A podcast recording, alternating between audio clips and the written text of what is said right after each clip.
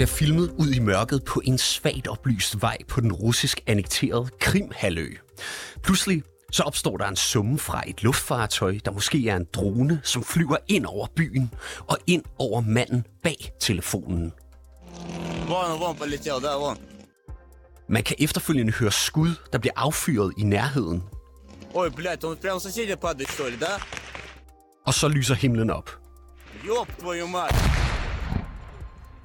I det fjerne, der ses et stort orangefarvet lysglimt, der bliver til en ildkugle, og derefter en sort røgsky fyldt med gnister. Videoen den viser angiveligt en eksplosion i byen Dajankov, hvor der ligger en strategisk vigtig jernbaneforbindelse, som bliver brugt af det russiske militær. Du lytter til konfliktzonen, hvor vi i dag zoomer ind på Krimhaløen, der i denne uge blev ramt af et angreb få dage efter, at den russiske præsident Putin gav Halløen et overraskende besøg. Mit navn er Mads Vesterager. Velkommen til konfliktzonen.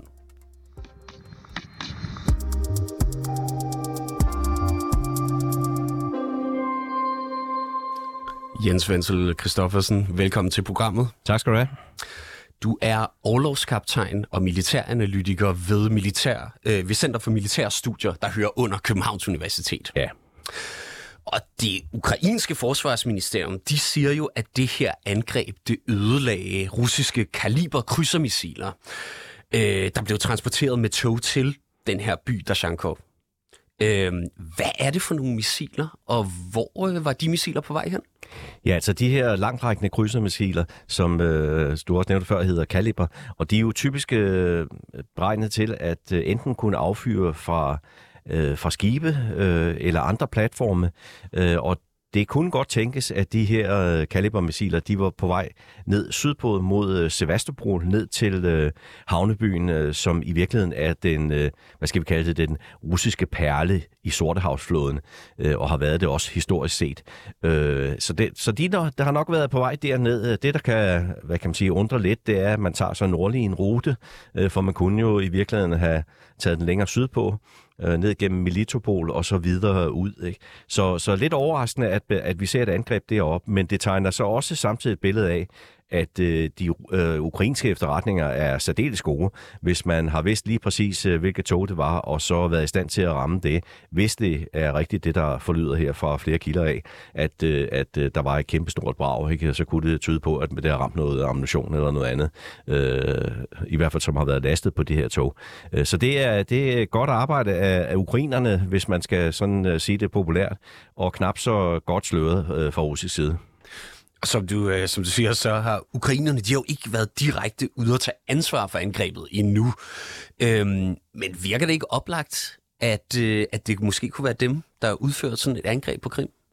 Jo, det kunne det godt, og øh, efter det, der forlyder, ikke, så, så er det jo øh, udført med droner, og det øh, kunne jo godt indikere, at øh, ukrainerne er blevet øh, lidt bedre til at anvende, hvad skal vi sige, langtrækkende droner i deres øh, stiknålsoperationer øh, på russiske, hvad skal man sige, øh, forsyningskolonner, øh, ud over, øh, du ved, HIMARS-batterierne eller øh, HIMARS og alt det andet, som de også har anvendt til at udlægge logistikken, så er de nu lige pludselig blevet lidt mere øh, bedre til at anvende de her langtrækkende droner, og kan man nå derind i og omgå, hvad skal vi sige, russiske luftforsvarssystemer, så er det faktisk øh, noget af en bedrift, øh, at man øh, alligevel kan er i stand til at ramme med den præcision, som man har gjort i det her tilfælde, hvis det er rigtigt, at det er ukrainerne.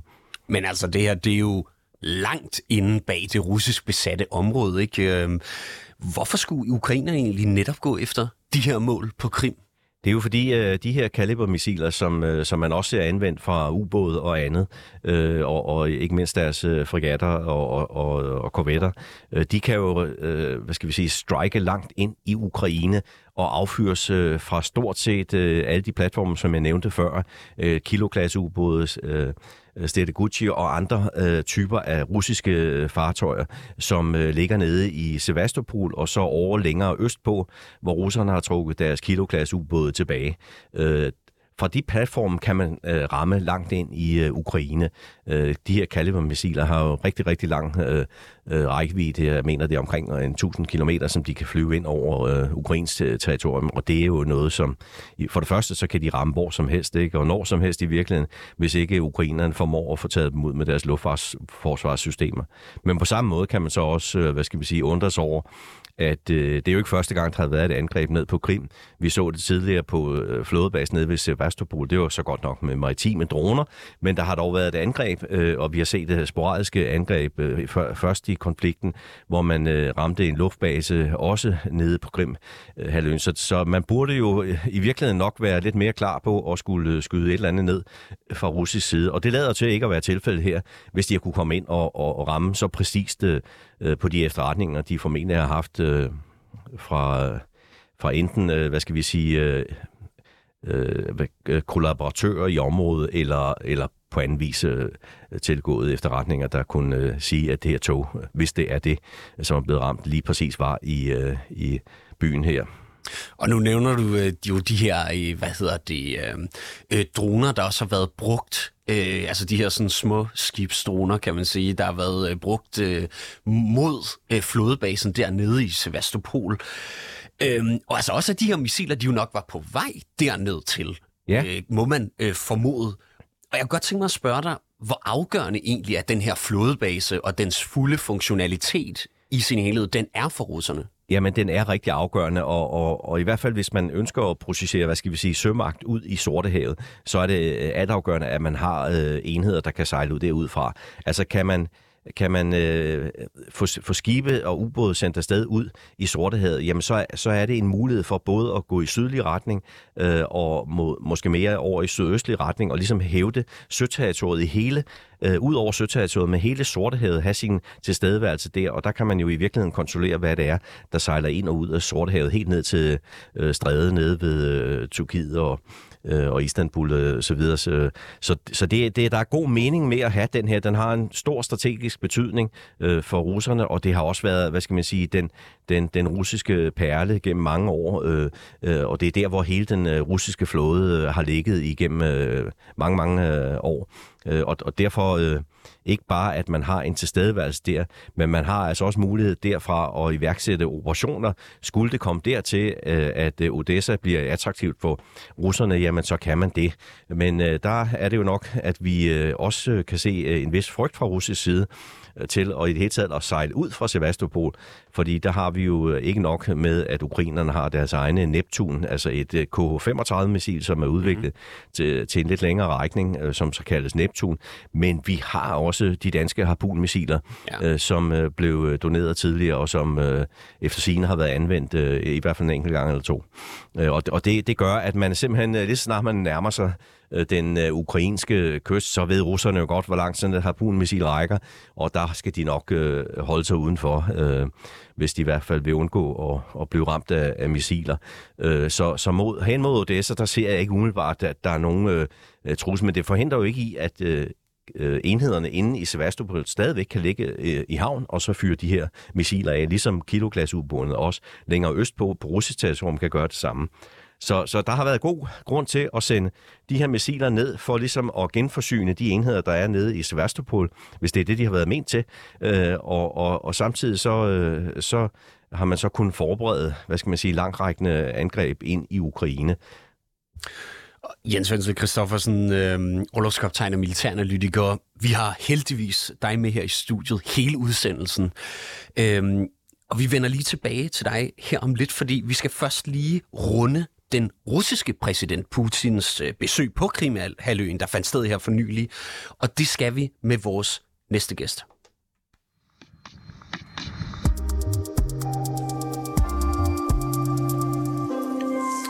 Jakob Tolstrup, velkommen til programmet. Jo, tak skal du have. Du er lektor ved Aarhus Universitet, hvor du blandt andet forsker i autoritære regimer og russisk politik. Ja. Altså den 18. marts, der var Vladimir Putin jo på besøg i Sevastopol på Krimhaløen. Hvor, altså, hvorfor tog Putin egentlig til Krim? Jamen for det første så øh, var det jo årsdagen for den officielle annektering af Krimhalvøen, som blev en del af Rusland i 2014. Så det vil sige, det var ni årsdagen øh, for den begivenhed. Og det plejer man altså altid at slå ret stort op i de, øh, i de russiske medier, i det russiske propagandaapparat. Så man plejer at holde sådan nogle storladende stadiokoncerter, hvor Putin han taler til tilhørende, hvor der er popbands og militære orkestre osv. Men det havde man også planlagt i år. Men på grund af, sandsynligvis på grund af den her manglende fremgang på, på slagmarken, jamen så valgte han sådan lidt mere øh, afdæmpet version, hvor han sig selv øh, tog til Krim for at besøge øh, halvøen og signalere stadigvæk, at øh, jamen det her det er russisk territorium. Og altså den russiske præsidents besøg, det kom jo bare et par dage efter, at den internationale straffedomstol, ICC, de udstedte den her arrestordre for krigsforbrydelser mod Putin. Er det ikke lidt risikabelt for ham så at tage ud af Rusland? Altså, han, han tager jo, ifølge Rusland selv i hvert fald, så tager han jo øh, til øh, Rusland på det her tidspunkt, og på den måde, så kan man jo sige, jamen det er jo russisk kontrollerede områder, så på den måde er det ganske ufarligt. Og jeg ved ikke helt, om man øh, nødvendigvis skal se det her som en reaktion på den her øh, øh, arrestordre fra, øh, fra, fra Haag.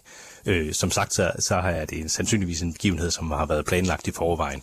Altså det her med, med, med årsdagen for annekteringen. Og øh, da Putin han var i Sevastopol, så besøgte han jo blandt andet en kunstskole i byen, og her der var han ledsaget af den lokale Moskva-udråbte guvernør Mikhail Razvoshayev. Altså, hvilket signal er det, som Putin han vil sende med sit besøg, tror du? Jamen, det er jo et vigtigt signal at sende, øh, fordi den her øh, annekteringen af Krimhaløen, det skulle ligesom være et billede på, hvordan det gerne skulle have været med invasionen af Ukraine. Fordi det var en succesfuld militær operation, som er hurtigt overstået, ikke særlig omkostningsfuld for Rusland, hverken militært eller til delvis økonomisk, men ikke så voldsomt, som det har været i forbindelse med invasionen i Ukraine. Så det, man bruger Krim-annekteringen til, jamen den bruger man som et billede på, hvordan den her øh, operation i Ukraine skulle have forløbet, og kommer til at forløbe. Så det er også det signal, man sender. Man sender, jamen det kommer til at ende på samme måde som Krim. Det kan godt være, det er hårdt nu, men vi skal nok sejre. Så hvordan taler besøget ind i den måde, som Putin han generelt altså omtaler krigen på øh, i Ukraine?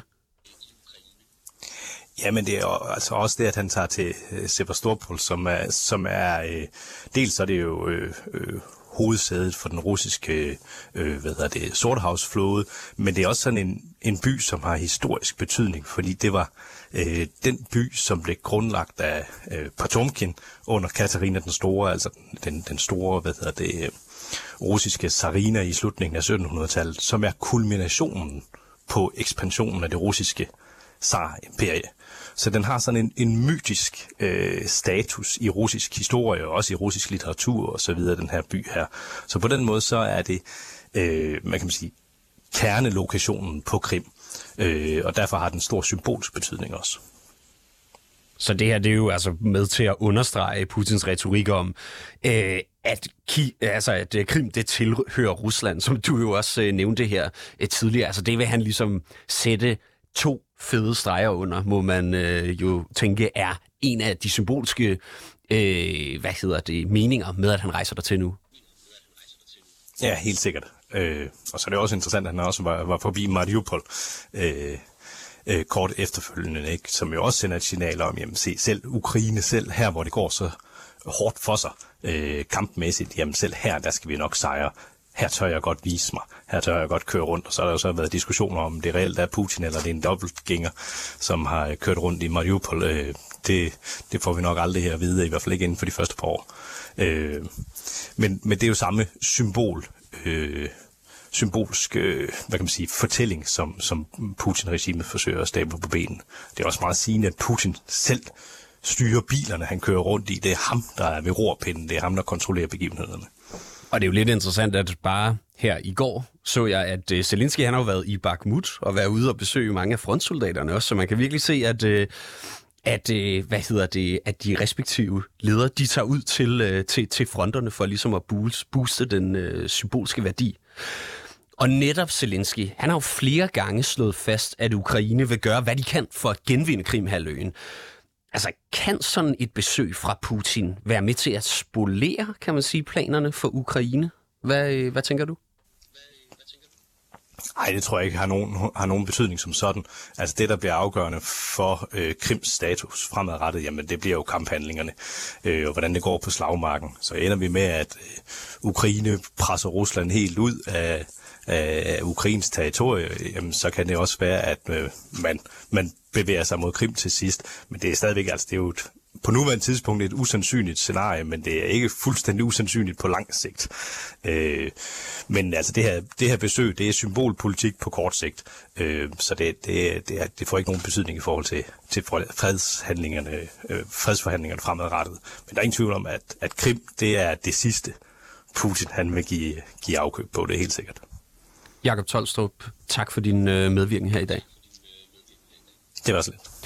Lektor og forsker ved Aarhus Universitet.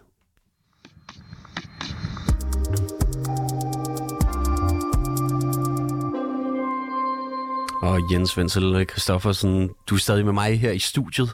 Ja. Øhm, ja, overlovskaptajn og militæranalytiker ved Center for Militære Studier på Københavns Universitet. Vi nævnte jo det før. Altså, Ukraine, de vil gøre alt for at genvinde Krimhalvøen. Øhm, og det var noget, som de ukrainske myndigheder de gentog, da de om det seneste angreb på Krim sagde, at det var med til at demilitarisere øh, Rusland og gøre Krimhalvøen klar til at blive befriet. Allerførst, hvor stort et tab ville det være for russerne, hvis de tabte terræn på Krim? Jamen altså, det vil simpelthen øh, gøre det, at øh, russerne står tilbage i virkeligheden. Øh, ja, man kan sige, for overhovedet at komme ned og tage øh, Krim, så skal man jo i hvert fald øh, på en eller anden måde igennem Zaporizhia øh, Oblast og Kherson Oblast. Der er tegn på, at ukrainerne er ved at forberede sig i hvert fald øh, omkring øh, floden øh, på, på den vestlige øh, banke. Øh, men man skal også øh, simpelthen øh, kunne komme igennem øh, og i min vurdering øh, måske ned imod øh, Melitopol, hvor der også er, er hvad kan man sige, partisanvirksomhed. Men det er jo ligesom en forudsætning for, at man overhovedet kan komme videre øh, ned mod Krim. Og, og, og komme ind på Krim fra flådesiden øh, bliver ganske vanskeligt, fordi ukrainerne simpelthen ikke har nogen øh, flåde øh, af, af nogen betydning tilbage. Øh, så derfor så, så bliver det en, en, en landkrig øh, støttet af, af, af luftoperationer, øh, hvis man overhovedet skal gøre sig et håb om at, at komme ned og tage øh, Krim tilbage igen. Men det vil være et kæmpe tab øh, for Rusland og et enormt prestigetab øh, for dem i forhold til at, at overhovedet at og, og, og, og lykkes det for dem, jamen så kan man jo i virkeligheden øh, måske tale om, at så er vi snart øh, ved begyndelsen på enden, fordi øh, Krim er så afgørende for russerne at have det øh, som deres øh, flådebastion øh, og som øh, deres, øh, hvad skal man sige, indgangsport og kontrol af Sortehavet. Så det vil være et kæmpe præstistab øh, for dem. Altså nu nævner du jo den her øh, offensiv, forårsoffensiv, den har vi også dækket mange gange her i programmet. Og øh, jeg kunne godt tænke mig, måske hvis du kunne hjælpe os med at komme ind i de strategiske overvejelser, som der er bag det her fra ukrainernes side, fordi der bliver spekuleret i, hvor sådan en, øh, en offensiv den kan blive sat ind. Og du nævner jo mod for eksempel Melitopol. Øhm, men altså, hvad skal man sige, det strategiske resonemang skulle jo nok være at afskære Krim i en eller anden, øh, på en eller anden måde. Hvordan kunne, øh, hvad, hvad, hvad kan man sige, måske en større operation se ud omkring sådan en offensiv? Jamen altså, der er jo ligesom øh, to veje ind på Krim, og den ene, den er nordfra, eller øh, fra Zaporizhia Oblast, eller øh, over Kherson Oblast, øh, men broerne for øjeblikket dernede er, så vidt jeg er orienteret, øh, fortsat øh, sprængt. Så, så den øh, vej ind lige pt. er ikke mulig. Jamen, øh, så kan man øh, fortsat øh, fra russisk side forsyne øh, Krim øh, over Kærsbroen, ikke, som, som også er et, øh, hvad skal man sige, et... Øh, et, det kunne være et øh, strategisk mål. Og det var den bro, som øh, blev sprængt i luften, i hvert fald noget af den, øh, for øh, nogle måneder siden. Det var det nemlig, ja. Og der har man jo øh, formentlig fra russisk side styrket luftforsvaret af den her bro ganske betydeligt, fordi ryger den først, jamen så, så, så er der ingen vej ind der i hvert fald. Så det er klart, at det, det vil være et mål for, for ukrainerne at skulle tage den. Men hvis vi sådan ser det i, i, i sådan mere overordnet perspektiv, jamen så skal man simpelthen have, have, have fået slået en kile ned øh, op i Zaporizhia Oblast og simpelthen få få øh, afskåret de russiske forsyningslinjer ind til Krim, øh, og samtidig, hvis det så lykkes at, at kunne tage Kærsbroen ud, hvilket øh, nok øh, vil kræve en del øh, øh militært set, øh, jamen så, så, så kan man jo afskære Krim sådan fra, fra at modtage øh, yderligere forsyninger, og det vil sige, så er det så et spørgsmål om, om tid, inden kampen går i stå, hvis ikke man er i stand til fra russisk side at forsyne Krim øh, på anden måde, og det, og det er noget af en opgave. Så, så strategisk set, så er det vigtigt, at man ligesom får lukket de her øh, forsyningslinjer øh, ind til de russiske styrker, øh, og, og det, vil, det, vil være, det vil være afgørende for Ukraine, hvis de overhovedet skal gøre sig håb om at, at kunne øh, senere hen øh, øh lave en større offensiv øh, mod syd, øh, hvor den så end måtte komme fra, eller måske i virkeligheden for to retninger, hvis man får etableret sig på en eller anden måde over øh, Dnipro-floden, altså fra Kherson-området af,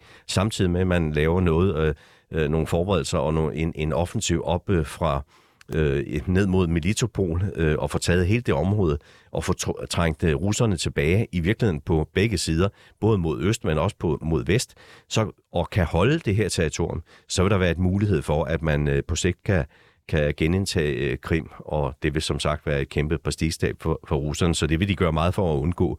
Øh, og, og, og, og, og når jeg siger gør meget for at undgå, jamen så er det jo simpelthen øh, med hele spektret af militære virkemidler, som måske bliver taget i anvendelse, fordi det netop er så betydningsfuldt for Rusland at have Krim. Og hele spektret, som du, øh, som du siger, der har vi jo set her tidligere på året, der var den store øh, diskussion omkring leopardkampvognene, øh, og de er jo så blevet frigivet. Øh, nu bliver ukrainske mandskaber simpelthen trænet på de her kampvogne. Nu har vi en diskussion omkring øh, jægerfly lige nu. Ikke? Altså, det ligger jo lige for at tænke, de ting, de kommer til at blive sat ind i en forårsoffensiv. Kan ukrainerne lykkes med det, Jens Wenzel? Ja, det, øh, det er der jo noget, der tyder på, at man er ved at gøre klar til det. I hvert fald så har Polen jo doneret et antal af de her øh, MiG-fly til øh, ukrainerne, som de i forvejen godt kan anvende. Og og det er jo måske i virkeligheden øh, simpelthen bare for at få bygget deres øh, øh, luftvåben op igen øh, i forhold til at lave erstatninger for de fly, de har tabt i, i krigen. Men i hvert fald F-16-flyene, hvis det øh, lykkes at fra vestens side at få forsynet ukrainerne med dem, vil være en kæmpe forudsætning for, at man overhovedet kan tale om en, en offensiv, når den så måtte komme. Ellers bliver det en landoffensiv støttet af, af hvad skal man sige, de her droner, som vi hidtil har set, og, og, og, og hvor godt den lykkes, er jeg lidt tvivlsom over for, hvis ikke også man øh, får, får noget, noget, noget fra luften ind. Jens Wenzel Christoffersen, mange tak, fordi at du var med her og ville dele din vurdering med mig og lytterne. Det var så let. Tak. Altså overlovskaptajn og militæranalytiker ved Center for Militære Studier på Københavns Universitet.